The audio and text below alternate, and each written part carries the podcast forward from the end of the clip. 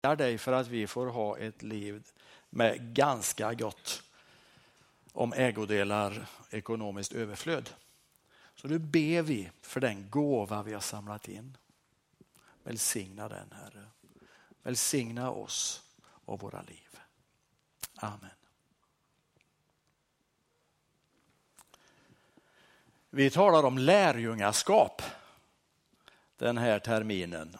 Och så följer vi inte kyrkåret, vi har ju valt texter och då har jag idag valt en text ifrån Lukas evangeliets 14 kapitel.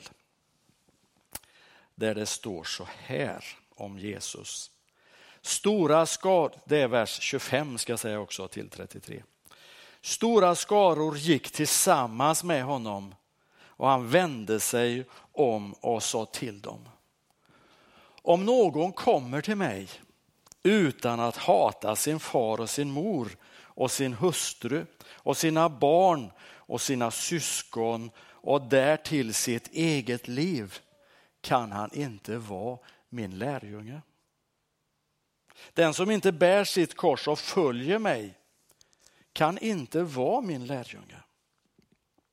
Om någon av er vill bygga ett torn sätter han sig då inte ner och räknar ut vad det kostar för att se om han har råd med bygget.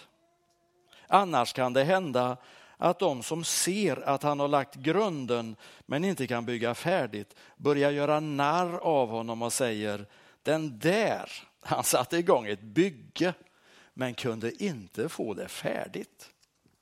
Eller om en kung vill dra ut i fält mot en annan kung sätter han sig då inte ner och överväger om han med 10 000 man kan möta den som rycker an med 20 000.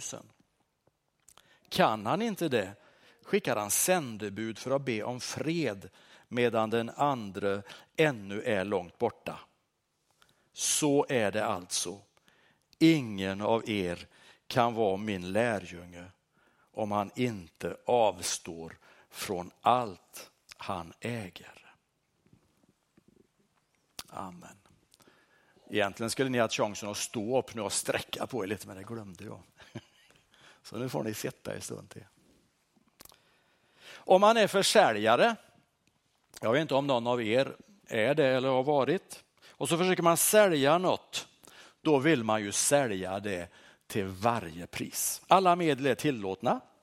Och detsamma gäller ju om man är partiledare Eh, i en valkampanj eller andra kampanjer. Man framställer sitt budskap eller sin vara på ett sätt som gör att varan eller åsiktspaketet blir tilltalande och lockande.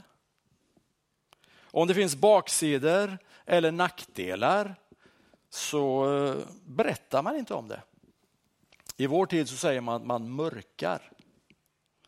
Eh, Kanske finns det med som en liten finstil text någonstans där man hoppas att ingen varken ska hitta den eller tar sig tid att läsa för att förstå hur det ligger till.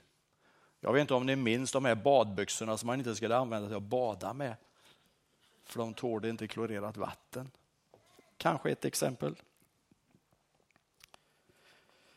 När man försöker sälja sig själv eller sin vara så vill man framstå i bästa dagar. Eh, man vill ge liksom eh, allt bästa möjliga förutsättning. Och i den här texten vi läste nu så gör ju Jesus precis tvärtom. Det är stora skaror som följer honom.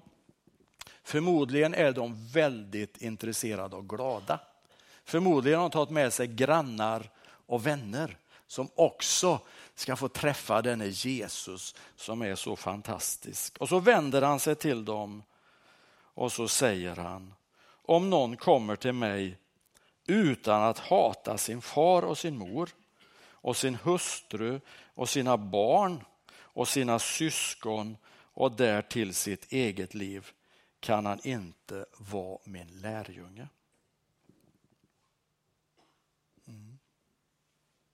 När vi planerar den här gudstjänsten så funderar vi mycket på den här uppmaningen. Det här att hata sina närmaste. Det går ju stick i stäv med det vi känner till som ord från Jesus om hans budskap till efterföljare. I bergspredikan i Matteus 5 så säger Jesus, ni har hört det blev sagt du ska älska din nästa och hata din fiende. Men jag säger er, älska era fiender och be för dem som förföljer sig. Lägger man ihop de här två får man en känsla att man ska älska sina fiender och så hata sina närmaste. Är det inte lite konstigt? Jo, ni håller med. Vad skönt. Nej, men det är ju så här att eh, på hebrej, nu går vi tyvärr lite till andra språk. Hebreiska och arameiska. Jesus pratade ju arameiska även om nu Nya testamentet är skrivet på grekiska. Men i hebreiskan och arameiskan så, eh, så använder man ordet hata på ett helt annat sätt än vad vi gör. Då är det liksom det man älskar, det är det man sätter högst. Och det som man inte sätter lika högt utan låter stå lite tillbaka. Om det kan man säga att hata. Eh, och det finns flera exempel i Gamla Testamentet som jag inte kommer att gå in på. Så när Jesus talar om att hata så är det egentligen inte det ord som vi tänker med hata, utan det handlar om att låta något stå tillbaka. Helge Åkesson hette en, en man, jag håller på att säga en gammal man, det var han väl i slutet, men han var ung i början. Han gjorde en bibelöversättning och han skriver så här, om någon kommer till mig och inte tillbakasätter sin fader och moder och hustru och barn och bröder och systrar och därtill sin, även sin egen själ, så kan han inte vara min lärjunge. Alltså att man låter något stå tillbaka. Eh, och Waldenström, en annan man som eh, har levat, eh, han talar också om det här att låta det ena vara viktigt, så viktigt så att man låter det andra kliva helt tillbaka. Och då säger han även de ömmaste band må slitas. Ja, jag ska inte berätta allt vad han säger. Men att vara Jesu lärjunge, det handlar alltså då inte om att gå runt och hata de som man bor ihop med till exempel. Eller så. Utan att vara Jesu lärjung, det handlar om att eh, man eh, väljer Jesus först i varje läge. Och bara det är ju väldigt svårt. Alltså ni kanske är duktiga på det, men alltså jag känner att det där är inte enkelt. Att låta Jesu ord och röst vara den tongivande i sitt liv oavsett vad andra tycker eller tänker. Hur lätt är det inte att man känner efter? Alltså säger jag detta nu så nu märker jag att ni börjar se sura ut och så försöker man liksom dämpa lite. För vi vill ju bli omtyckta, accepterade. Men det är som att Jesus säger att lärjungen ska ha klart för sig att om man vill följa Jesus så måste man sätta honom högre än allt annat. Över alla andra auktoriteter och framför allt annat som man älskar och sätter värde på. Man kan komma till kyrkan som en åskådare. Man kan komma som en eh, konsument. Man kan komma som en recensent. Eh, men om man gör det, då är man ju inte något annat än en åskådare, en konsument eller en recensent. Att vara lärjunge, det är något annat. Att vara lärjunge är något helt annat. För det innebär att låta honom forma mitt tänkande. Eller det kan vi se till här uppe, tänkandet. Eh, påverka mitt ägande. Leda mitt engagemang, ha koll på min planering och styra min ekonomi.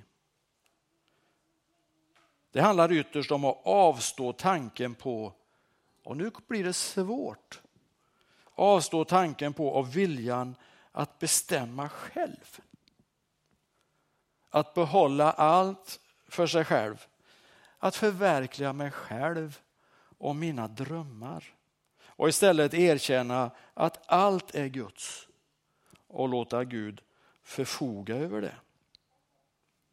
Och idag så är jag en sann Donsebo. Jag har plånboken i bakfickan idag.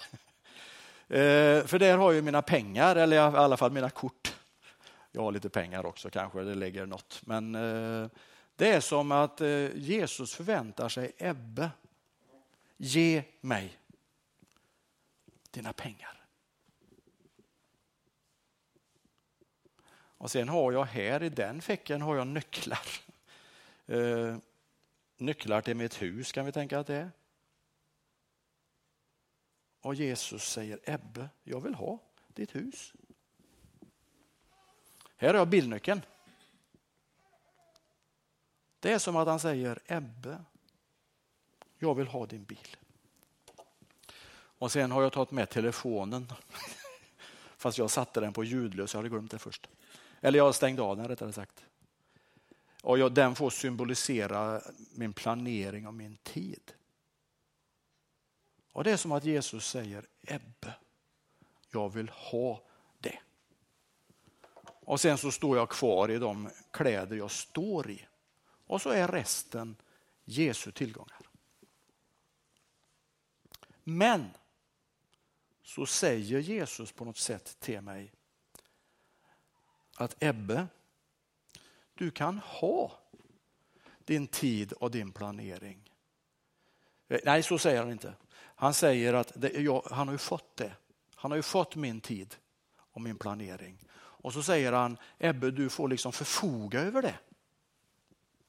Men använd det för min skull, säger han. Och det är min bil, säger han. Men Ebbe, du kan förfoga över den. Men tänk på att använda den för min skull. Huset, det du äger, det får vara liksom en symbol för det. Ebbe, du, du kan förvalta det åt mig. Men kom ihåg mig när du använder det. Och din ekonomi, Ebbe, du får ju givetvis se till så du överlever, tänker jag mig att han säger. Men tänk på att det är mina pengar, så använd dem så som jag skulle ha gjort. Så tror jag han tänker. Och så får jag tillbaks grejerna med den påminnelsen om att det inte är mitt. Utan det är hans. Och så säger han alltså då i slutet av den texten, ingen av er kan vara min lärjunge om han inte avstår från allt han äger. Och Det är så jag tror han tänker. Att det du har fått, det som är lagt i dina händer, du ska givetvis leva.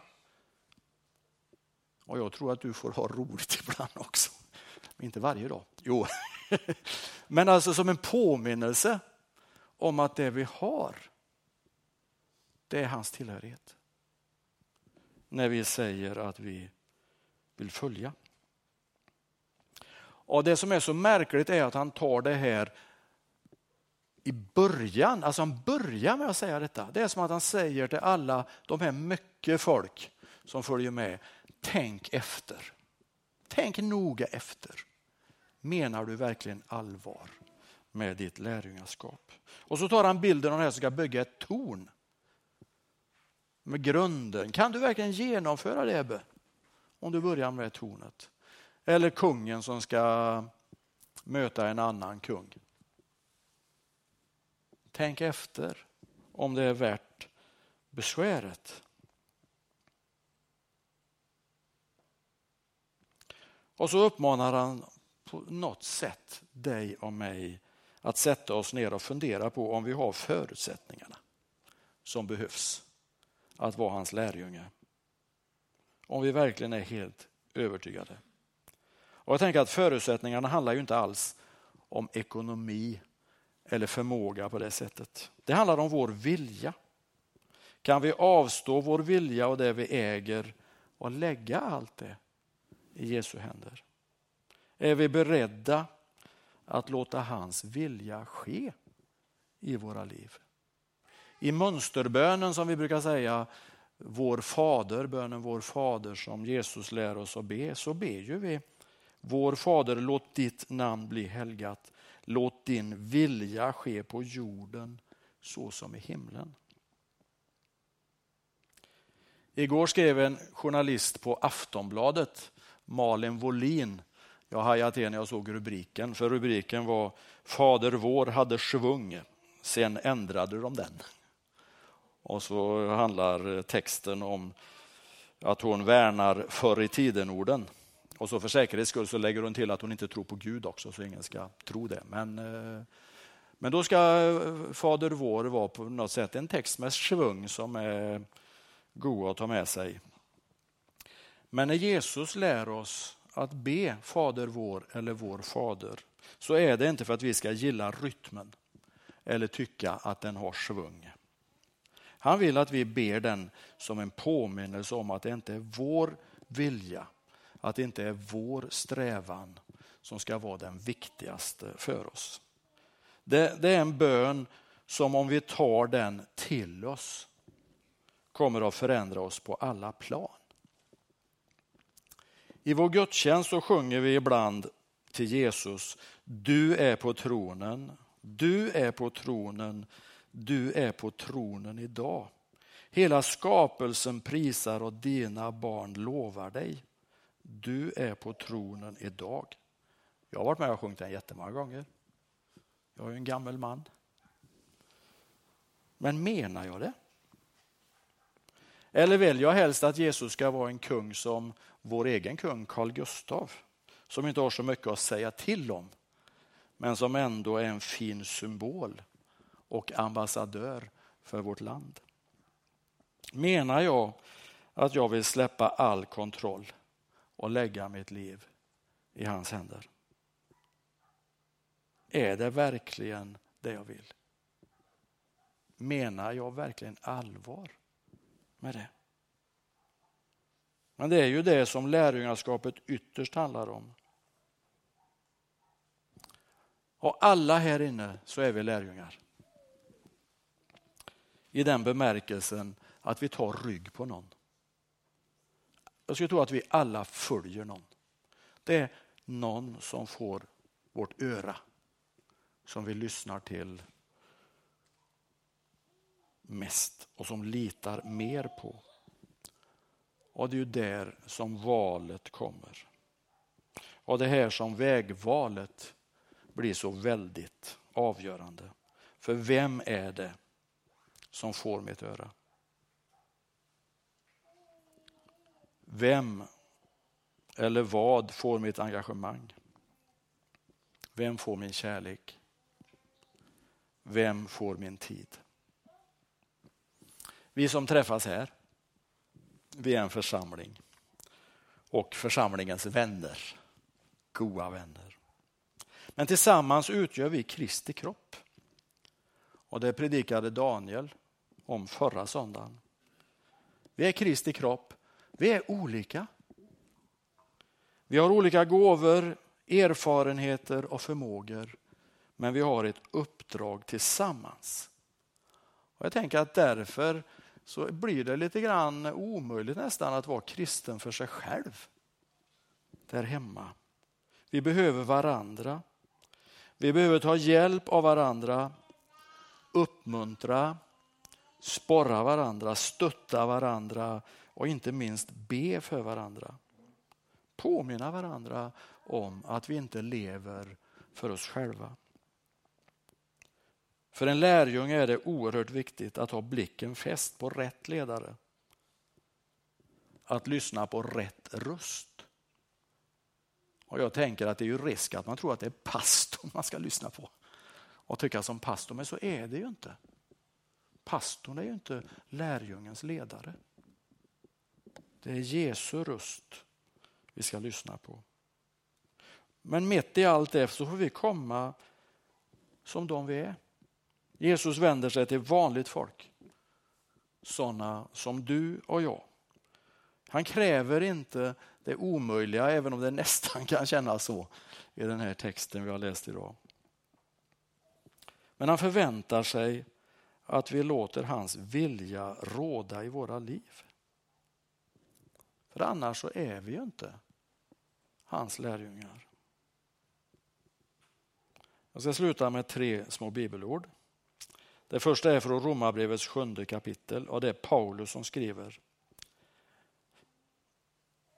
Jag vet att det inte bor något gott i mig. Viljan finns hos mig, men inte förmågan att göra det som är gott. Det goda jag vill, det gör jag inte, men det onda som jag inte vill, det gör jag. Och Sen skriver han i andra Korinthierbrevet 8, 11 en vers till. Full, så uppmanar han församlingen i Korint, fullfölj nu arbetet så att resultatet svarar mot den goda viljan. Allt efter er förmåga. Har någon bara den goda viljan så är han välkommen med vad han har och bedöms inte efter vad han inte har. Och Jesus säger i Johannes 6.37 Alla som Fadern ger mig ska komma till mig och den som kommer till mig ska jag inte visa bort. Amen.